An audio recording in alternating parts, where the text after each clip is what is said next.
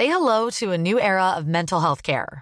Cerebral is here to help you achieve your mental wellness goals with professional therapy and medication management support. 100% online.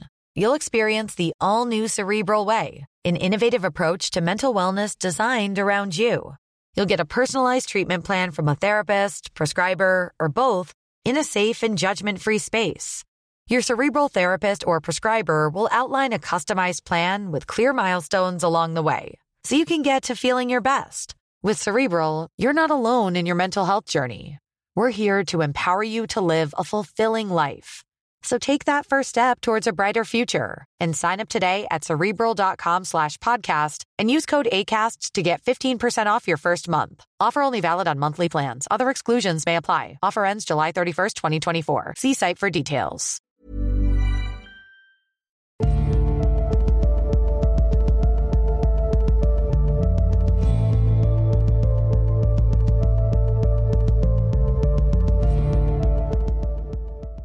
Hei og velkommen til Tåkeprat. Jeg heter Even, og når jeg tar opp denne episode 150, så er det søndag den 27. desember. Da var tiden endelig inne for årets juleprat. Etter en jul som med resten av 2020 ikke gikk helt som planlagt. For å gjøre en lang historie kort, så ble dette første julaften som jeg, i likhet med mange andre i år, måtte tilbringe alene. Og min julemiddag i år, det var noe så nitrist som Toro posesuppe. Men ikke for det. Det å sitte alene på julaften, det var noe jeg var forberedt på som en mulighet. Og ved å legge vekk sosiale medier og satse steinhardt på dokumentarfilmer, så ble dette en helt grei, om ikke noe kjedelig, dag. Men nå skal vi fokusere på årets siste episode. Som vanlig så blir dette en episode hvor jeg kaster et lite tilbakeblikk på året som gikk, før det blir en årskavalkade hvor jeg ser litt nærmere på episodene jeg har gitt ut i 2020. Jeg må si at eh, dette er noen av favorittepisodene mine å sette sammen. Jeg vet ikke om det er det at jeg er svak for årskavalkader, eller om det er det at jeg får satt året i perspektiv som gjør det. Men i år, som i de foregående år, så har denne episoden vært utrolig artig å jobbe med. Og den føles som en verdig avslutning på podkaståret 2020. 2019 var et eh, særs krevende år for meg personlig, med dødsfallet til min far, samlivsbrudd, flytting og med tapet av min firbente venn. Så det var med håp om et litt enklere år jeg gikk inn i 2020. Ting hadde falt på plass igjen. Jeg hadde fått leid meg en leilighet like ved der jeg jobber, og nå ser jeg fram til et år der jeg kunne jobbe med å bygge opp podkasten og benytte tiden som singel og hundeløs til å reise litt og slikt. Men lite ante jeg at det var skygger i horisonten, og at 2020 skulle bli et år de aller fleste som opplever det, kommer til å huske resten av livet. Allerede i januar så hørte vi om SARS-covid-19. Men etter å ha blitt varslet mange ganger om mulige pandemier, fra sars og mers til svine- og fugleinfluensa, så var det vanskelig å ta dette helt på alvor. Selv for meg, som er veldig opptatt av nettopp sykdommer og pandemier, og er vel vitende om at det ikke er et spørsmål om, men når vi blir rammet av en ny pandemi som gjør sitt avtrykk på sivilisasjonen vår. Covid-19 skulle vise seg å være et ekstremt snikete virus, med en rekke egenskaper som gjorde at det spredte seg som ild i tørt gress. Og det gikk ikke så veldig lang tid før det også dukket opp på våre breddegrader, og vårt lands folkevalgte så seg nødt til å ty til drastiske tiltak for å forsøke å begrense spredningen av dette nye viruset. Jeg husker fremdeles stemningen på skolen der jeg jobber, når usikkerheten begynte å bre om seg like før alt stengte ned. Det var en smule uvirkelig å handle på butikken den dagen, med tomme hyller og paniske folk som hamstret det de kunne. Jeg kan fremdeles ikke forstå hvorfor dopapir var en så ekstremt ettertraktet vare, og jeg husker hvordan all hermetikk var ribbet fra hyllene, bortsett fra Trondheims Max-boller. Selv apokalypsen er tydeligvis ikke en god nok grunn til å kjøpe Max-boller. Samtidig som samfunnet stengte ned, så satte jeg alle kluter til, og jeg dro på date, jeg, i Bergen. Av ulike årsaker så bestemte jeg meg for at dette var noe som måtte gjennomføres, og jeg satte meg på toget og dro til regnbuebyen. Dette skulle vise seg å bli en ekstremt spesiell opplevelse, som har potensial til å bli en roman. Men det er dessverre ikke en jeg kan dele med dere lyttere. Men jeg kan si såpass at eh, det hele ble avsluttet i film noir-stil, i en by som var som sakset ut av en zombiefilm, med kun hjemløse og Hare Krishna i gatene. Det gikk nemlig et ras på toglinjen, slik at jeg ble strandet på et hotell hvor det kun var meg og noe sånt som tre andre gjester. Siden hotellet var tømt, fikk jeg i det minste en suite hvor jeg kunne se utover et regntungt og tomt Bergen. Selv Indigo og Marianne var ingen plass å se. Heldigvis så kom jeg meg hjem til slutt, og med det så begynte isolasjonen. De første ukene de gikk greit. Som så mange andre så så jeg på The Tiger King, og i tillegg så lanserte jeg mitt første kosmetiske produkt, skjeggpomaden Gammelskogen. Jeg trives normalt godt i mitt eget selskap, og jeg ble derfor litt overrasket når jeg begynte å oppleve hva jeg vil beskrive som brakkesyke.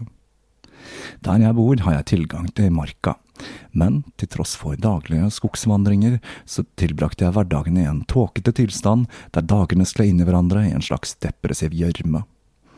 Det hele toppet seg når jeg fikk hva jeg vil beskrive som influensasymptomer. Til tross for at jeg hadde begynt å benytte meg av hjemleveringstjenester av mat, så hadde jeg vært noen turer på butikken. Og om jeg har fulgt pandemien altfor tett i nyhetsbildet, så var det nærliggende å tenke at jeg faktisk kunne ha vært smittet. Hva det innebærer å holde seg på avstand, hadde nemlig ikke gått helt hjem hos alle enda, og på mine ekskursjoner til butikken så ble jeg titt og ofte pustet i nakken av mennesker som ikke helt hadde fått med seg denne berømte meteren. Jeg tror svært mange som var syke i denne perioden, tenkte akkurat det samme som meg. Så jeg tok kontakt med legen, men de hadde enda ikke klart å bygge ut infrastrukturen for massetesting. Og siden jeg ikke er i en risikogruppe, så fikk jeg avslag på forespørselen om testing og så fikk jeg et telefonnummer jeg kunne ringe om jeg fikk vanskeligheter med å puste. Jeg må jo si at det ikke gjorde hverdagen noe lysere. Men eh, med symptomer og ingen test å forholde meg til, så var det bare å synke dypere inn i isolasjon. I denne tilværelsen var det et par ting som slo meg. Som dere sikkert skjønner, så består en stor del av hverdagen min av arbeidet med tåkeprat. Men nå føltes det plutselig ut som å arbeide i sirup. Uten ytre stimuli og menneskelig kontakt, så begynner kreativiteten, i alle fall for min del, å visne hen. Samtidig så ble jeg utrolig lei av alle former for underholdning, inkludert bøker, noe som er en essensiell input med tanke på podkasten.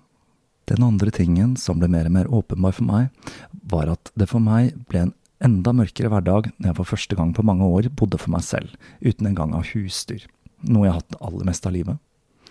Heldigvis hadde nabolagets katter funnet seg til rette hos meg, og det ble et lyspunkt i hverdagen. Samtidig så var dette en påminner om folk som befinner seg i isolasjon, enten det dreier seg om frivillige, som astronauter og polfarere, eller ufrivillige, som innsatte i fengsel. Jeg tenkte for meg selv på hvordan enkelte fnyser av fengsling som en straffereaksjon, og sammenligner fengselsopphold som en form for hotell. Jeg håper jo at eh, noen av menneskene med den type holdning, og som opplever lockdownen, har nok selvinnsikt til å ha tatt noe lærdom fra det hele. Selv om jeg mistenker at eh, selvinnsikt er nettopp en av de egenskapene det skorter på der i gården. Når eh, samfunnet sakte, men sikkert begynte å åpne igjen, så var det en uvirkelig følelse å vende tilbake på jobb.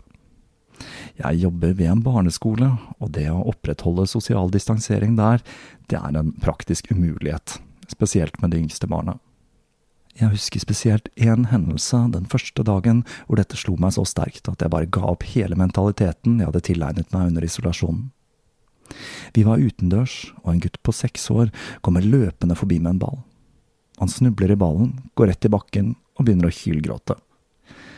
I en brøkdel av et sekund så nølte jeg før jeg satte meg ned og trøstet ham. Og med det så innser jeg at for oss som jobber på skole, så vil det være en umulighet å jobbe med den samme graden av smittevern som gjelder i det øvrige samfunnet.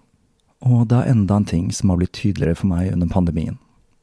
Det er de som utfører de mest kritiske samfunnsoppgavene, og som er mest utsatt for smitte og potensiell død ved en pandemi, som også er noen av de lavest lønnede i samfunnet.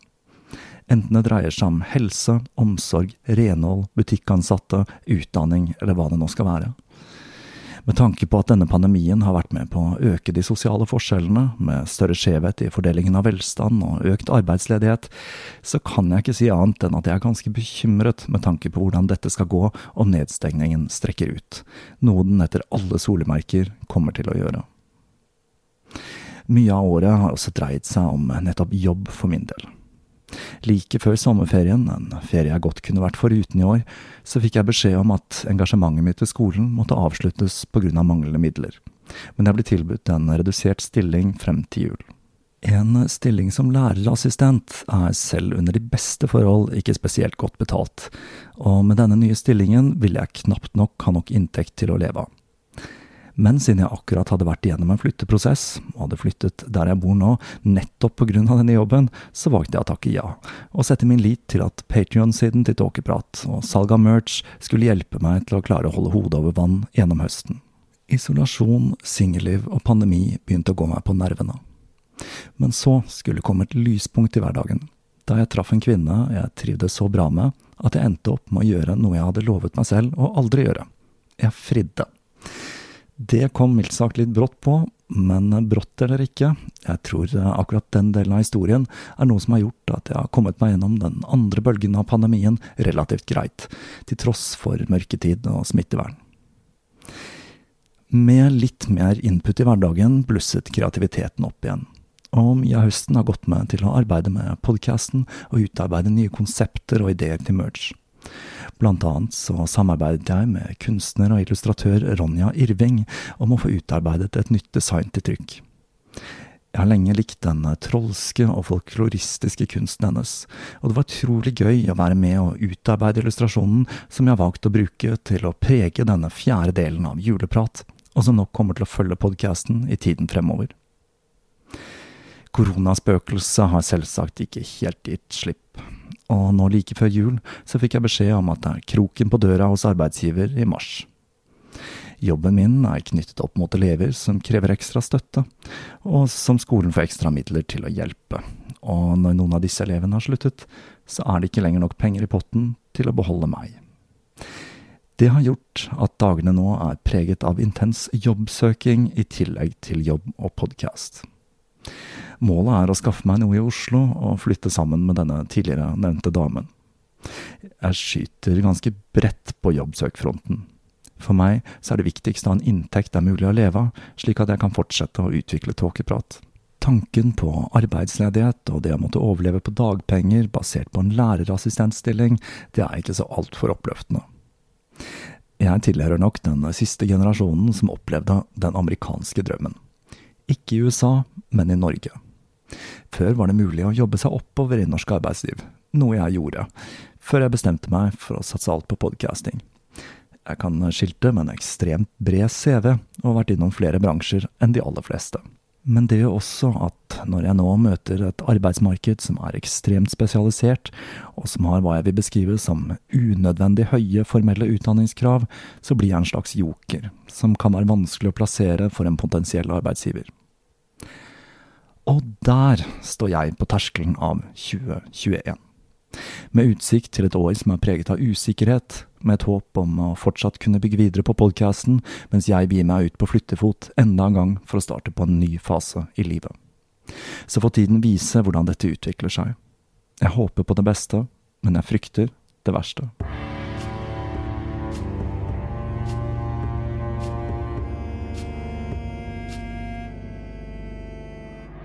Mens jeg har gått igjennom min egen prosess i 2020, har året vært preget av et par store saker. Den tingen som har preget meg mest, i tillegg til pandemien, men som også er uløselig knyttet til den, er tilstanden i USA, med sine opptøyer og presidentvalg. Utviklingen til det amerikanske samfunnet har lenge fascinert meg.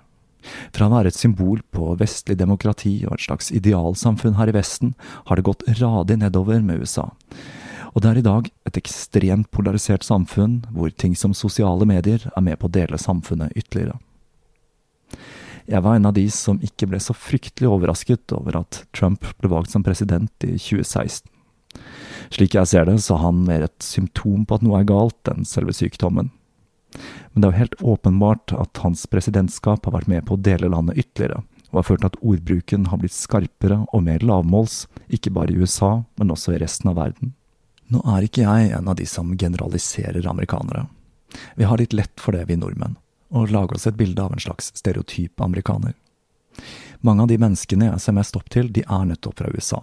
Dette er jo et ekstremt folkerikt land med sine 330 millioner innbyggere. Jeg mener at det er i det amerikanske systemet utfordringene ligger, innen bl.a. helse, utdanning og velferdssektoren. Med pandemien så har vi jo sett hvordan et samfunn som USA har håndtert det hele, kontra Norge med sin velferdsstat. Og jeg håper jo at det kan være en liten vekker. Bare det at det har oppstått egne teltbyer som en følge av at folk har blitt arbeidsledige og kastet ut av hjemmene sine pga. nedstengningen, varsler om en grim fremtid for the land of the free, home of the brave. Jeg har brukt altfor mye tid i 2020 på å følge utviklingen i det amerikanske samfunnet, og jeg klarer ikke helt å riste av meg følelsen av at det vi er vitne til, er fallet til et imperium. Men jeg skal la den saken ligge. Det er et tema andre enn meg er bedre rustet til å snakke dybden om. Men det jeg kan si, er at eh, jeg til tross for ikke akkurat å være hoppende begeistret for eh, Joe Biden som presidentkandidat, følte en enorm lettelse når det ble klart at vi går de neste fire årene i møte med en forhåpentligvis langt kjedeligere mann enn Trump, som har adgang til verdens største atomvåpenarsenal. Og etter den lite oppløftende tiraden, så tror jeg vi bare hopper rett over til årets episode Kavalkade.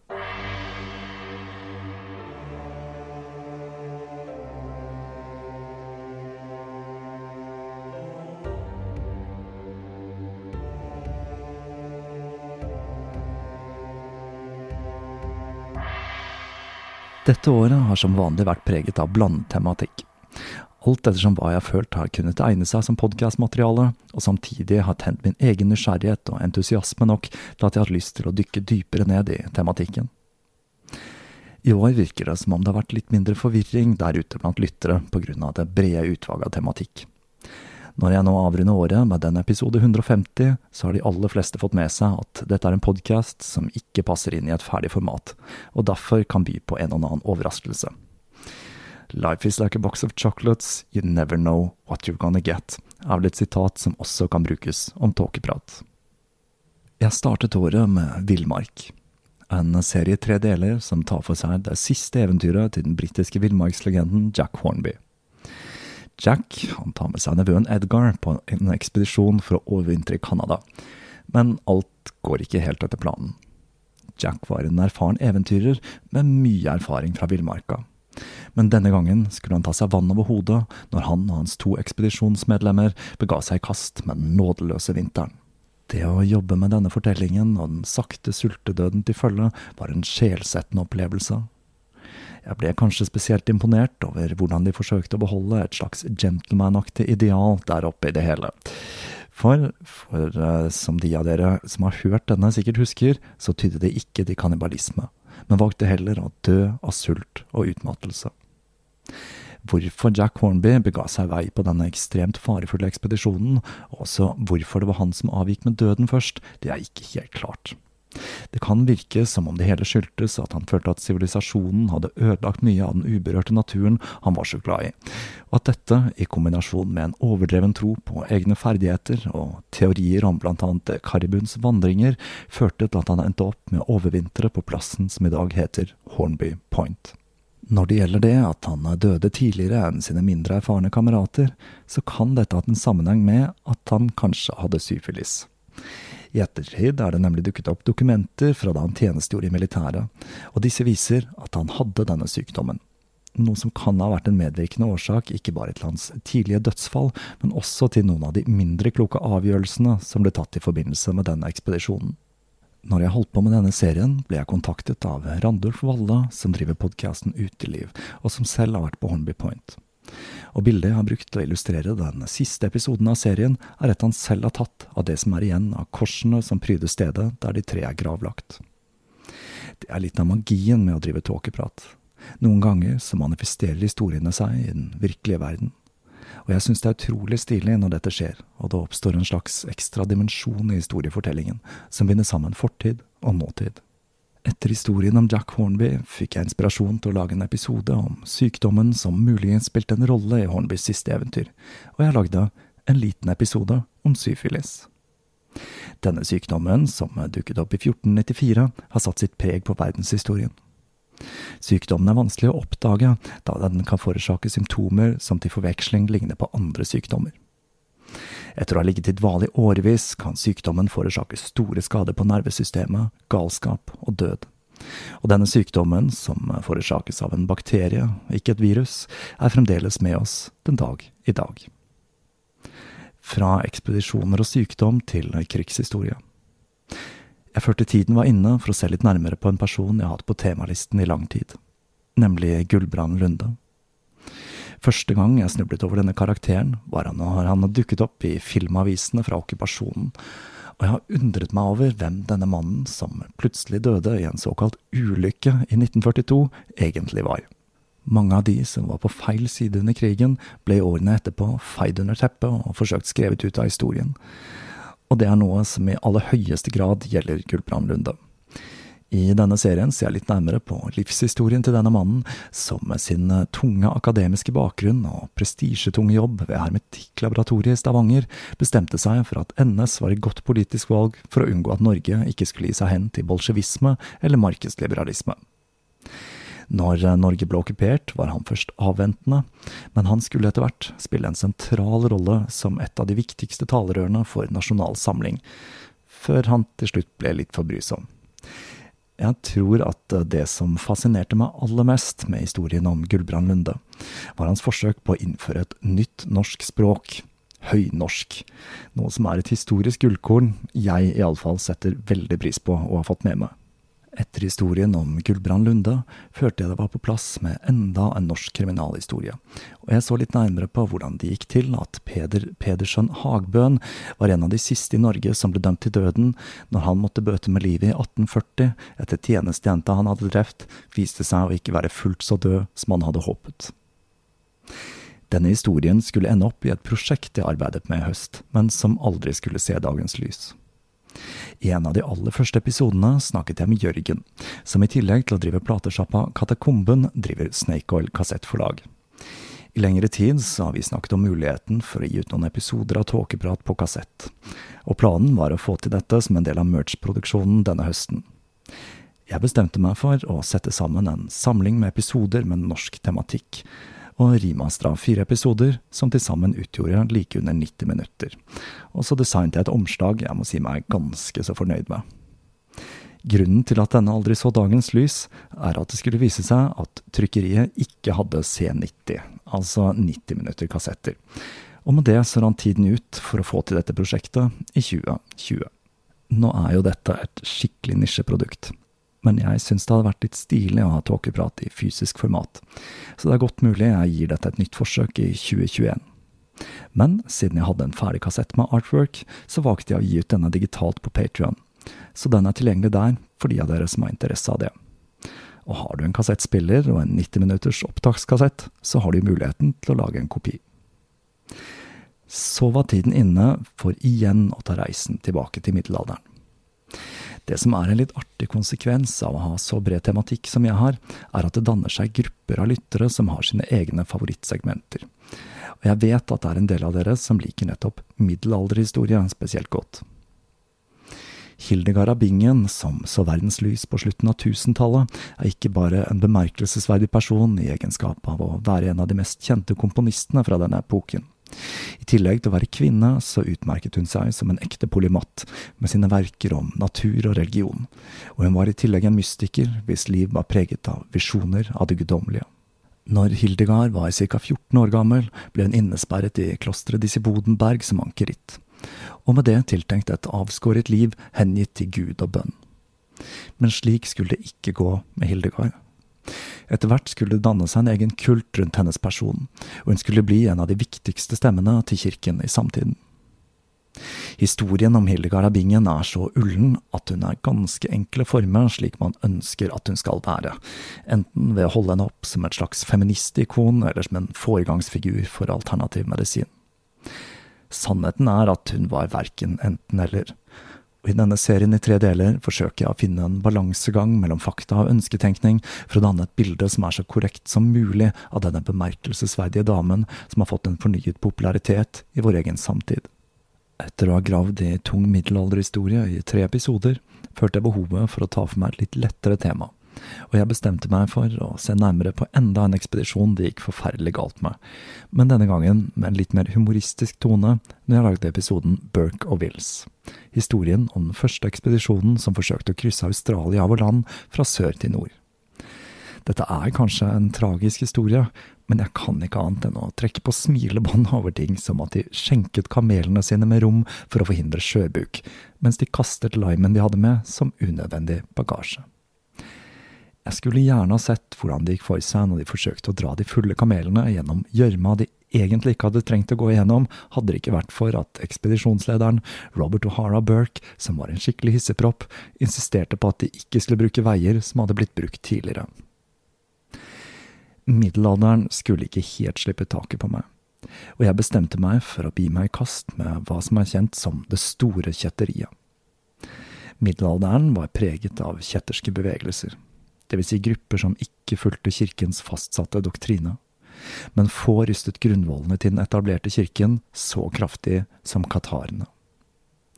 Katarene sto spesielt sterkt i Languedoc, en region som opplevde en slags tidlig renessanse, og hvor nytenkning og kunst sto sterkt, og hvor også kvinner hadde rettigheter de bare kunne drømme om andre steder i Europa. Dette ville selvsagt ikke kirken vite noe av og de satte inn enorme ressurser som toppet seg under albigenserkorstoget, som sto for enorme ødeleggelser og et brutalt blodbad det skulle ta årevis å legge skadene etter. Til tross for kirkens iherdige og brutale forsøk på å kvele kjetteriet, så skulle det overleve noen år til, før det til slutt ble utryddet. Religionen til katarene var svært interessant, og man kan nok si at den lå nærmere en slags idealkristendom enn hva den grådige og korrupte kirken sto for i samtiden så skulle jeg se litt på en av de mest obskure personene i historien når jeg bega meg i kast med ingen ringere enn greven av Saint-Germain, en figur som har dukket opp i ymse okkulte sammenhenger. Selveste Helena Blavatsky hevdet at han var en av disse hemmelige mesterne, og han dukker til og med opp i animasjonsserien Castlevania, noe som gjorde at jeg fikk det endelige dyttet jeg trengte for å dykke ned i hva som virket som et bunnløst hull med anekdoter og tvilsomme historier. Hvem var egentlig denne mannen som dukket opp ved europeiske hoff på 1700-tallet, og som det ble hevdet at advarte Marie Antoinette i forkant av revolusjonen, i tillegg til å skulle funnet oppskriften på evig liv? Det som er helt fantastisk med Saint-Germain, er at han klarte å beholde sin obskuritet. Etter å ha gått gjennom historien hans, så er jeg fremdeles slett ikke sikker på hvem han var og jeg sitter igjen med et inntrykk av en høyt utdannet mann som var utrolig sjarmerende og god til å prate for seg, i tillegg til å kunne traktere en fiolin bedre enn de aller fleste.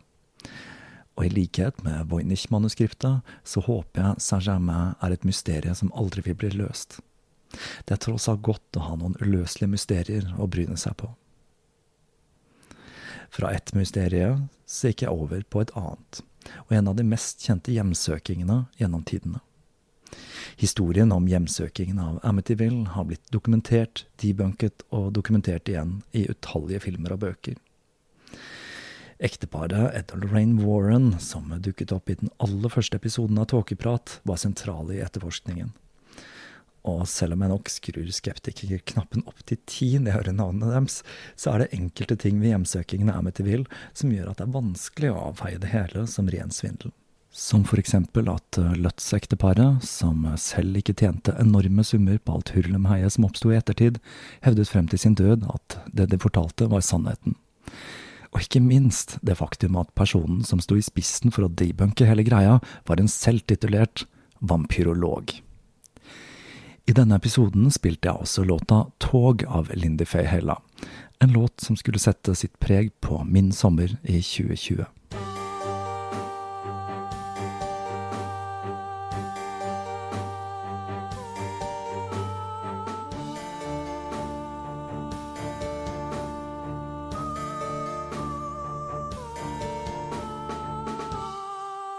Så var det sommer. Men jeg klarte ikke helt å ta sommerferie. og hva som egentlig var tenkt som en kort sommerspesial, endte opp med en serie i to deler. Denne gangen var det livet som nybygger i USA som skulle under lupen, og den mest beryktede historien av disse, nemlig prøvelsene til Donnefølget på vei til det forjette land California. Igjen så var det menneskers prøvelser i villmarken som skulle spille en sentral rolle, når vi fulgte det håpefulle følget til Donner og Reed-familien, som fulgte et råd fra en friskus som forsøkte å skrive seg selv inn i amerikansk nybyggerhistorie, og de forsøkte seg på en snarvei som skulle få fatale konsekvenser. Til tross for harde prøvelser og flere dødsfall, så klarte de nesten å komme fram, før vinteren satt inn og det ble strandet i Sierra Nevada uten tilstrekkelig med mat for å overleve. Historien om en donnerfølge er en av de mest kjente som tar for seg overlevelseskannibalisme, og i denne serien blir det åpenbart hvorfor.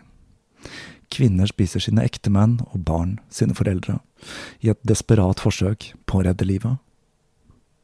Og med det så tok jeg litt sommerferie, for å forberede oppstarten på hva som skulle bli den mest omfattende serien jeg har hatt så langt her i Tåkeprat. Jeg tror ingen som har hørt seg gjennom serien om Lene Riefenstahl, sitter igjen med det stereotypiske bildet som har blitt tegnet av henne i ettertid, som Hitlers regissør. Lenge har jeg hatt en magefølelse av at det var mer med denne damen enn hva som var synlig på overflaten, og jeg gikk til anskaffelse av memoarene hennes for å sette meg inn i livshistorien til denne damen, som revolusjonerte filmindustrien med banebrytende nye teknikker, men allikevel kun har blitt en liten sidenote i filmhistorien. Og jeg må si, Historien hennes var en som overgikk all forventning. Jeg visste rett og slett ikke hvor jeg skulle begynne, eller hvor jeg skulle slutte. Så jeg gjorde det enkelt, og startet med begynnelsen. Det skulle vise seg at det var umulig å lage en rettferdig serie om Lene Riefensdahl uten å gå i dybden. Så i tillegg til memoarene, så begravet jeg meg i filmen og kunsten hennes for å forsøke å danne meg et bilde av hva som drev denne damen. Serien kan by på flere ting enn bare Leni. Vi får også se samfunnet før, under og etter krigen, fra et unikt perspektiv, fra en person som virkelig ble kastet ut av det gode selskap, og som ble en paria resten av livet. Det er så mange ulike aspekter ved Leni. Som jeg sier tidlig i serien, så var kjærlighetslivet hennes alene så spektakulært at det kunne vært en serie i seg selv. Vi får også et innblikk i hvordan Hitler var som person, og hvordan de rundt ham ble påvirket av den ekstreme personligheten hans noe jeg ikke har vært borti siden Tradel Junge sin bok og filmen basert på hennes fortelling, Der Untergang. Men det er så utrolig mye mer med Leni enn bare forholdet til Hitler og Det tredje riket. Historien hennes, den fenger, fra den spede begynnelsen, når hun trosser sin far og klarer å bli en internasjonalt anerkjent dansestjerne, når hun tar skrittet fra dans til film og etter hvert selv ender opp bak kamera, for så å satse alt hun har på å lage sin egen produksjon, til når hun ble fengslet og fratatt alle eiendeler og rettigheter, mistenkt for å stå i ledtog med nazistene, og til hun klarer å lage seg enda en ny karriere som fotograf, først ved å dokumentere den siste resten av den gamle kulturen til Nuba-folket i Sudan, og senere som undervannsfotograf. Når folk spør meg om hvem Lene Riefenstahl var nå, så må de være forberedt på en ganske lang tirade. Det finnes nemlig ikke noe enkelt svar på det spørsmålet, bortsett fra kanskje hun var kunstner. For etter å ha jobbet med denne serien, så er det akkurat det inntrykket jeg sitter igjen med. Det var kunsten som drev henne. Ikke politikk, ikke profitt, men en lengsel etter å kunne uttrykke noe større enn henne selv, en lengsel som hadde fulgt henne siden barndommen, og som hun tok med seg i graven. Serien om Lene Riefenstahl er nok også en av de mest populære seriene jeg har laget.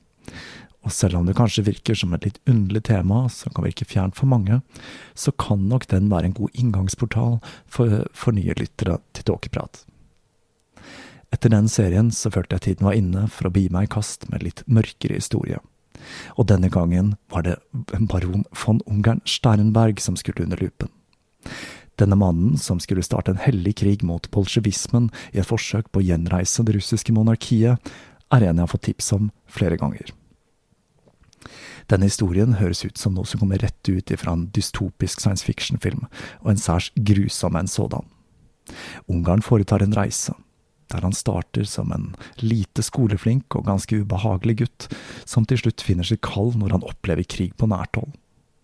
For kjærligheten for vold og krig skulle etter hvert røre sammen med de okkulte strømningene som dominerte samtiden, og Ungarn Sternberg ble etter hvert overbevist om at han spilte en nøkkelrolle i å rense verden for ondskap, som i hans verdensbilde besto av jøder, bønder og bolsjeviker. Denne historien er ekstremt brutal, Og det er rart å tenke på at dette foregikk for kun 100 år siden.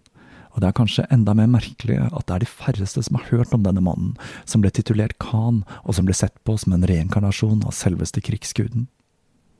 Jeg vil tro at det for mange også var en smule spesielt å si at den formen for buddhisme som blir praktisert i Vesten, altså en gudløs tro basert på at veien til nivana består av å forsake det materielle, langt fra den eneste eller den mest populære form for buddhisme.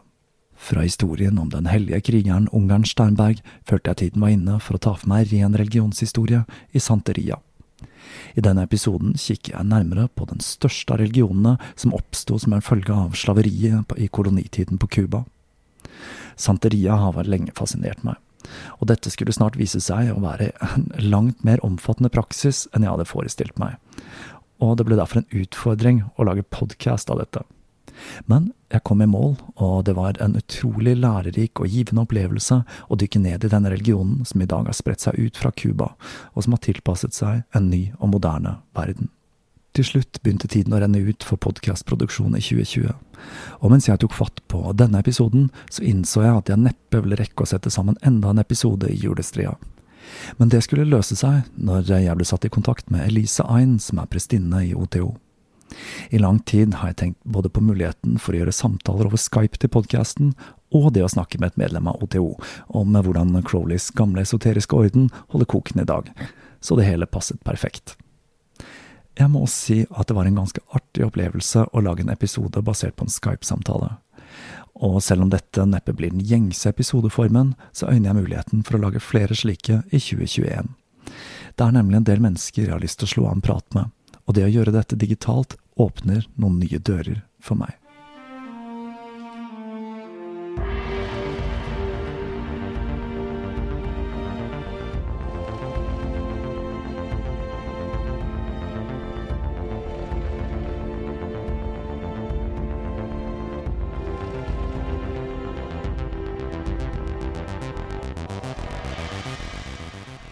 Så tenkte jeg jeg skulle kikke litt nærmere på hva som har opptatt meg på underholdningsfronten i året som gikk. I år har det blitt mindre podkastlytting på meg enn jeg skulle ønske, og det har stort sett gått i de faste podkastene som Joe Rogan Experience og Behind the Bastards. Men det har også dukket opp et par nye som jeg har gitt noe lyttertid, og blant annet så gjelder det At the Brink og dette er en podkast hvor Liza Perry, barnebarnet til tidligere forsvarsminister William J. Parry, ser litt nærmere på hvilken rolle, og ikke minst hvilken fare, atomvåpen utgjør i dag. Det er kanskje ikke spesielt oppløftende greier, men eh, jeg er helt overbevist om at det å bevisstgjøre seg konsekvensen av å leve i en verden med atomvåpen, er svært viktig. Jeg er sikker på at det er mange av dere som hører på, som kjenner til de utallige historiene om hvordan det nesten har gått galt flere ganger, gjerne på grunn av banaliteter eller tekniske feil. Dette er et tema som angår oss alle, og jeg syns det kan være på sin plass å høre etter når William Parry sier at vi er nærmere et dommedagsscenario i dag enn vi noen gang har vært frem til nå. Lex Friedman-podkast er også en jeg har begynt å høre på i år. Jeg har hørt denne mannen på andre podcaster tidligere, men det var først etter å ha sett noen svært interessante klipp fra podkasten hans på YouTube jeg la inn podkasten hans i lytterrotasjonen min. Dette dreier seg om en russiskfødt fyr som er forsker ved MIT, og podkasten hans den dreier seg om lange samtaler om ulike tema. En episode jeg likte spesielt godt, det var nummer 146 med Michael Mina, som blant annet dreier seg om håndteringen av covid-19. Det har ikke vært noen store nyheter på musikkfronten for min del i år. Her er det gått i traust black og death metal, og litt hva jeg kaller etnisk, som Danheim, Heilung og Vardruna. Det er ofte i bilen jeg hører på musikk, og siden den har CD-spiller, så har jeg en tendens til å ha på samme CD-en på repeat i et par måneder i slengen. Så i år så har jeg hørt i overkant mye på sørlandsbandet Bergtatt og skiva Slitt med det gresk-punke ensemblet Barbwire Dolls. Kanskje ikke så spesielt spennende, det, men det var, har vært litt artig å børste støvet av en del klassiske utgivelser, som blant annet D-Sides Legion og band som Massacre med sin umenkjennelige Florida-lyd og tidlige syntbruk. På filmfronten så har jeg gjort noe av det samme som med musikk, og sett en del gammelt på nytt. Og det har vært en overvekt av skrekk og dokumentarfilm. I tillegg til Netflix og YouTube Premium, så gjorde pandemien at jeg kastet meg over Disney pluss når den tjenesten ble lansert i Norge. i all hovedsak på grunn av The Mandalorian. Men tjenesten har bydd på mer enn kun Star Wars-universet, og det siste tilskuddet av den nye Kosmos-serien, Possible Worlds, har gitt meg en liten herlig vitenskapelig hverdagsflukt fra julestress og korona. På tampen av året kom også en annen film som gjorde et sterkt inntrykk, nemlig The Phenomenon av James Fox.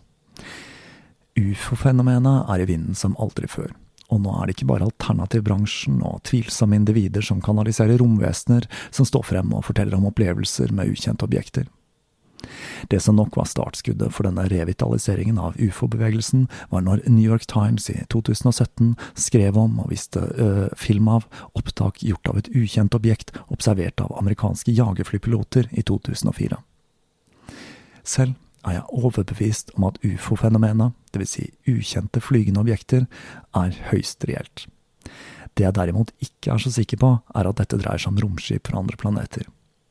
Ikke det at jeg ser på dette som en umulighet, men jeg tenker med meg selv at vi nok har en tendens til å forklare fenomener vi ikke forstår, ut ifra vår egen verdensforståelse og den teknologien vi selv bruker.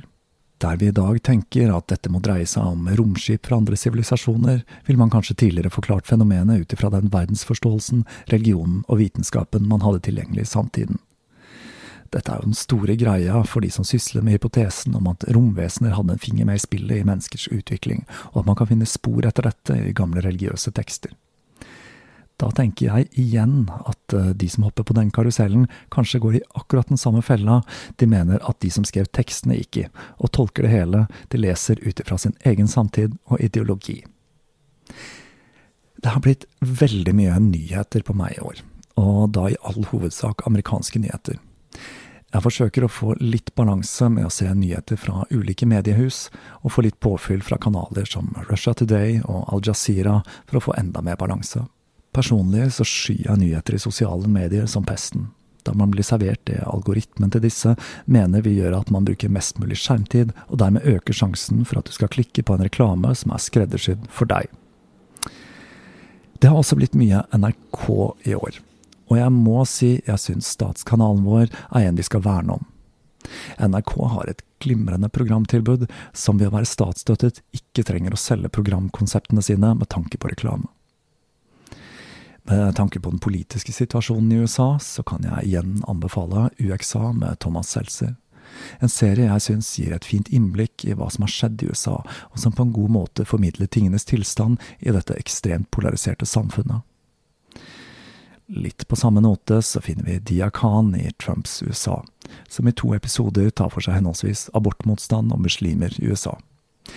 Jeg tror jeg har nevnt Khans dokumentarer tidligere i podkasten, jeg kan ikke si annet enn at hun innfører atter en gang når hun dykker ned i disse to temaene, og vi blir konfrontert med ting som pro-life-folk som mener det er en god idé å ta livet av abortleger. Livet er tydeligvis mest verdt før det er født.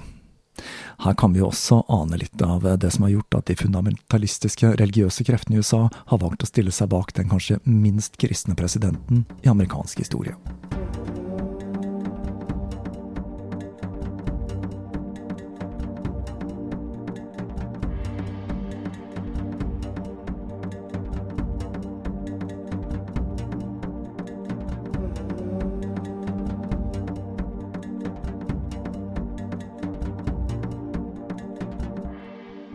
Arbeidet med tåkeprat og kommunikasjon med dere lyttere har vært et lys i mørket for meg i år. Ikke minst så har Patrion vært ekstremt viktig for meg nå i den andre halvdelen av året, og denne frivillige abonnementstjenesten kommer til å spille en enda mer sentral rolle for meg i tiden fremover. Jeg har fått utrolig mange hyggelige og konstruktive tilbakemeldinger, og jeg er utrolig glad for å ha en så oppegående lytteskare som dere. Et høydepunkt for meg i år var når en lytter skrev på Facebook-siden at han hadde brukt tåkeprat for å komme seg gjennom metadonabstinenser. Jeg må si at det var en tilbakemelding som gjorde at jeg føler det hele er verdt det. Men det er én ting jeg savner, og ikke personlig, men som tåkeprat ønsker seg, og det er en side på Wikipedia. Der glimrer nemlig podkasten med sitt fravær. Og det hadde vært utrolig kult å ha en egen artikkel hos denne tjenesten, som jeg syns er en av de aller beste tingene med internett. Et brukerdrevet, ikke-kommersielt, globalt leksikon står i skarp kontrast til de sosiale medienes forsøk på å hale ut mest mulig informasjon for å selge deg mest mulig reklame. Helt til slutt vil jeg være tro mot hva som er blitt en juletradisjon her i Tåkeprat, og gi dere et musikalsk bidrag.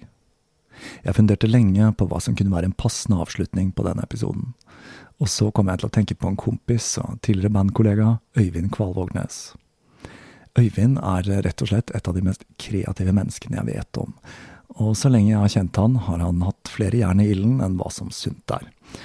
Og i tillegg så er han en fastlytter av Tåkeprat, så jeg tok kontakt med han, og akkurat som forventet så fikk jeg et ras med låter fra ulike prosjekter han mente kunne passe til podkasten.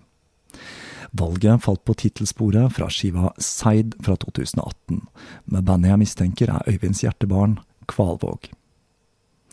Før jeg spiller ut året med Seid, så vil jeg ønske dere alle en fortsatt god jul og et riktig godt nyttår. Med tanke på hvordan 2020 utartet seg, så vil det kanskje være på sin plass å si lykke til.